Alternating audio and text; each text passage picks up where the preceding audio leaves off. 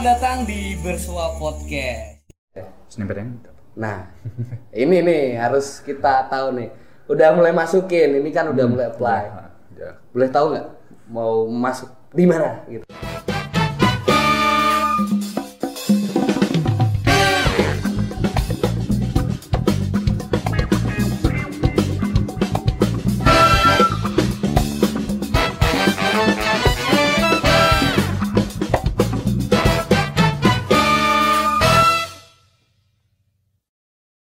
Selamat datang di channel aku ya dan Negeri Sadewa dan sekarang udah sama Mas Alam ya. Nama lengkapnya siapa sih Mas? Muhammad Zinedine Alam Ganjar. Muhammad Isnaidin Al- Zinedine. I- Zinedine. Zinedine Alam Ganjar. Nah, kata-kata apa terakhirnya itu loh, Ganjar. Ada apa nih Mas dengan Ganjar ini ada apa nih? Saya juga kurang tahu. Kurang tahu ya. Oke, jadi Mas Alam ini adalah eh, putra keberapa? Cuman satu. Cuma satu, putra tunggalnya Bapak Ganjar Pranowo ya, Gubernur Jawa Tengah ya. Oke. Tapi ada yang menarik nih Mas. Di Instagram kan, Mas Al Mas Alam nih ada namanya bebek bebek obrot. Heeh. Iya, apa tuh apa tuh? Kok bebek obrot itu apa? Itu sih sebutan dari kecil mas. Heeh. Kayak entah kenapa bapak itu kalau manggil saya itu obrol terus. Obrot. Terus bebeknya itu dari mana? Kalau BB itu panggilan jadi teman-teman sih. Kayak- Oh. Kayak udah jadi dewasa inilah kayak SMA gitu. Hmm, Jadi digabung nih panggilan teman-teman sama panggilan bapak, eh, bapak, bapak Thomas Alam nih Ah. obrot gitu. Oke, berarti terjawab ya bebek obrot itu nama lain ya. Oke, gini Mas Alam. Sekarang kelas berapa sih Mas Alam? Kelas 3 SMA. Kelas 3 SMA di SMA 3 ya? Ya. Oke, ada beberapa teman juga di SMA 3 cuma ini Mas Alam nih menarik nih. Nih, Udah kelas 3 berarti juga udah harus mikirin yang namanya ujian nasional, terus masuk kampus dan lain sebagainya. Tapi sejauh itu kan aku lihat di foto-foto Instagramnya Mas Alam nih kan aktif juga antara akademik dan non akademik. Nah, biasanya ini anak-anak itu pada tanya, ini gimana cara ngatur waktunya gitu kan? Kalau Alam sendiri gimana? Em, saya sih ada namanya filosofi namanya stoicism mas. Stoicism. Stoicism itu jadinya kayak sesuatu yang di dunia itu dibagi dua. Hmm. Ada yang bisa kita atur dan ada yang tidak. Hmm. Contohnya deh ujian. Oke. Ujian kan soal persiapan itu bisa masalah yang kita atur kan. Oke. Tapi untuk hasil kan kita nggak bisa ngatur. Hmm.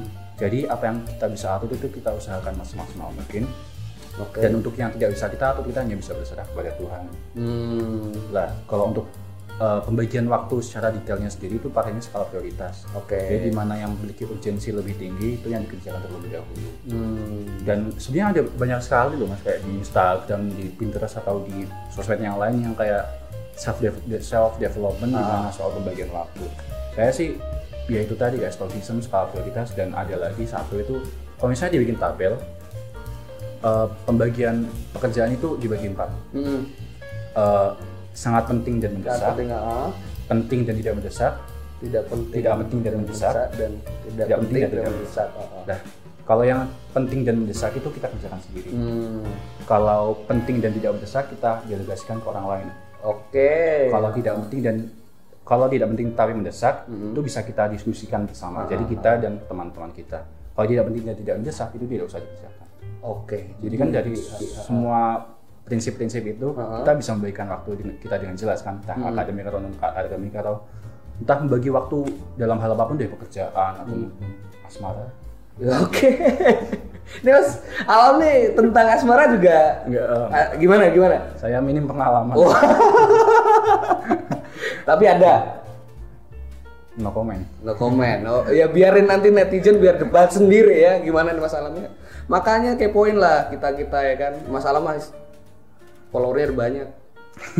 Nggak punya follower banyak. Oke gini masalah. Berarti kan itu emang harus dibagi ya antara uh, uh, skala prioritas terus dan mendesak tidak mendesak itu. Nah antara itu semua nih, ini udah kelas 3 masih ada tuntutan gak sih kayak eh masalah tolong dibantu dong SMA kita atau ini nih potensi masalah ini masih besar sebenarnya ya nggak usah lulus dulu deh kalau bisa gitu kan gimana kalau kayak gitu sih banyak lah sebenarnya kayak eh, tawaran-tawaran kayak gitu sih nggak sedikit yang saya terima sejak kelas 12 cuman kan em, semakin dewasa kan kita juga harus bijaksana kan. Kita harus bisa belajar untuk berkata tidak.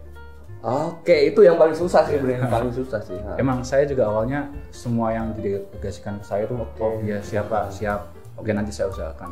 Tapi lambat laun saya kan juga bukan manusia super gitu. Kayak apa eh, kita saya nggak bisa di dua tempat yang sama. jadi saya juga belajar untuk berkata tidak. Hmm. maaf pak saya sudah punya fokus yang lebih penting dari Hmm. sekarang dari hal itu. Saya nggak dulu. Mungkin ada orang lain atau siapa yang Iya. sekiranya bisa menjadi penggantinya saya. Jadi ya, Tapi iya itu bener sih. Belajar untuk berkata tidak itu susah sebenarnya karena kita juga sebagai orang Indonesia Iya. juga nggak enakan apalagi orang Jawa. Aduh piye gitu kan. Nah dan lingkungan teman-teman sendiri kadang ada ini nggak sih mas? Yang kadang orang Depok kan wah ini masalahnya anaknya gubernur anaknya Pak Danja gitu. Suka ada jarak nggak sih? Nah, aku jujur sih masalah sih nggak membatasi dengan orang lain. Cuma ada anggapan nggak sih sama orang-orang? Kalau teman enggak guru. Loh. guru. Soalnya kan SMA kan eh, di bawahnya pemprov langsung kan Oke. Karena itu juga kan. Jadi beberapa guru kayak eh, terlihat nggak orisinil gitu nggak otentis kelihatan banget ya itu ya. tapi ya ya gimana lagi saya juga nggak bisa Iya. tegur langsung. Kan jadi ya ya udah di saya juga bisa beradaptasi dengan hal itu juga. Hmm, nggak bisa bilang bapak bapak jangan jadi gubernur lah kan. Capek. Enggak nggak bisa kayak gitu. Itu emang udah panggilan untuk masyarakat gitu kan. Terus Mas Alam nih kelas 3 berarti kan untuk uh, fokus ini udah mulai apa ya udah mulai fokus ke sana lah untuk ujian nasional dulu ya paling dekat nih walaupun ujian nasional sekarang mau dihapuskan dan lain sebagainya tapi untuk persiapan itu uh, proporsi untuk masuk ujian na- nasional dan ujian masuk perguruan tinggi lebih prefer ke mana? Em, itu semua kalau saya sendiri pribadi lebih prefer ujian nasional. Oh, gitu. karena eh, setiap orang kan punya eh, roadmapnya Ah, berbeda-beda kan. Nah, saya itu kan eh, insya Allah nanti akan apply ke beberapa program beasiswa Hmm, oke. keluar di mana nanti itu eh, UN itu salah satu indikator eh, Eh, yang penting ya. diseleksikan, kan. Ah. Jadi saya untuk sekarang itu prioritaskan ke UN dulu karena kan kalau sekarang kan UTBK ya mas. Hmm. Iya, iya UTBK. UTBK sendiri itu kan konsepnya kurang lebih sama dengan UN. Mm-mm. Cuman kan dengan beberapa steps ahead gitu, Iya. beberapa langkah selanjutnya. Jadi kalau saya pikir kalau misalnya saya bisa kerjakan UN, saya paham konsepnya, saya pasti juga bisa ah. kerjakan UTBK. Jadi Iya. kalau misalkan saya persiapkan semuanya secara mendasar, saya akan kena semuanya kok nanti. Hmm, bener banget itu prinsip. Jadi belajar UN atau UTBK itu sebenarnya materinya sama. Cuma tinggal kita itu ya beradaptasi itu. Berarti SNMPTN dapat ya? SNMPTN dapat. Nah, ini nih harus kita tahu nih. Udah mulai masukin, ini kan udah mulai apply. Udah. Boleh tahu nggak mau masuk di mana gitu? Saya belum finalisasi. Belum finalisasi. Uh, karena kan penutupan masih tanggal 27 kalau nggak Ah, salah. Em, karena SMA 3 kan sangat apa ya crowded banget itu mas Iya, orangnya kan jago-jago lah saya juga bukan orang-orang nomor satu atau dua Ah. saya juga di antara orang-orang yang kesusahan mikir mikir SNM mau lah mau ke mana Ah.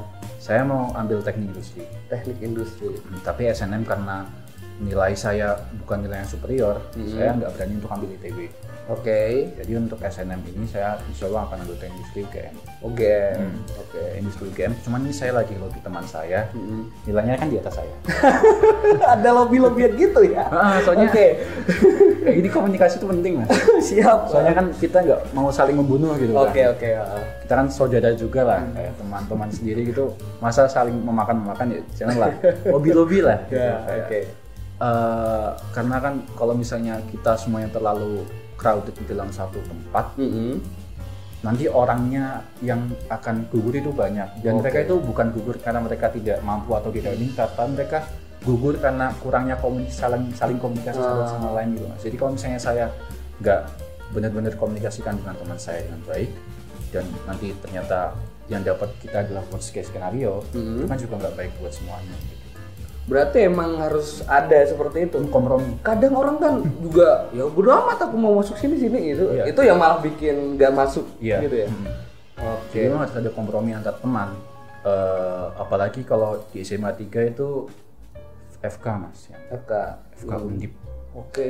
itu wah saya aja lihatnya wah ini sekelas bisa masuk semua itu FK Undip karena memang yang milih ke situ banyak banget. Jadi Oke. kalau misalnya mereka nggak bisa kompromi, ya udah nggak ada malah bunuh-bunuhan di situ. Bunuh-bunuhan. jadi kasihan Berarti lebih penting jurusan sesuai passion kita atau univnya?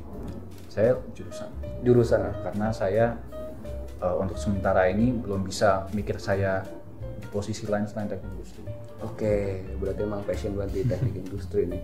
Terus ketika eh, ini SNM nih, ya umpama dapat. Tapi ada cita-cita nggak sih? Tadi sempat dimention kalau eh, pengen masukin beasiswa Heeh. keluar. Hmm. Itu gimana? Semuanya SNM dapat. Terus dilema nih, beasiswa juga dapat. Itu gimana? itu kan seringnya kan hal-hal kayak gitu kan kayak orang yang dapat SNM terus biasanya dapat akpol atau Ah gitu. iya iya. soalnya kalau beasiswa saya itu kan saya beasiswa ke Jepang mas Oke. nah beasiswa ke Jepang itu berangkatnya baru tahun depan Oh. Jadi kalau misalnya saya, saya dapat SNM, saya ambil dulu. Tetap ambil Jadi ya. satu tahun di Indonesia eh, sebagai istilahnya adaptasi dan juga istilahnya jemput sedikit lah. ya, Nah, ya. nah, Dan culture strukturnya di situ.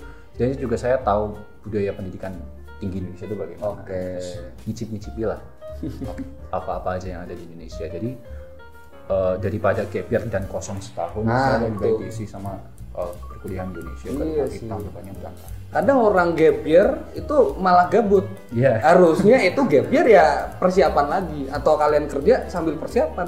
Jangan malah gabut tiduran itu makin susah.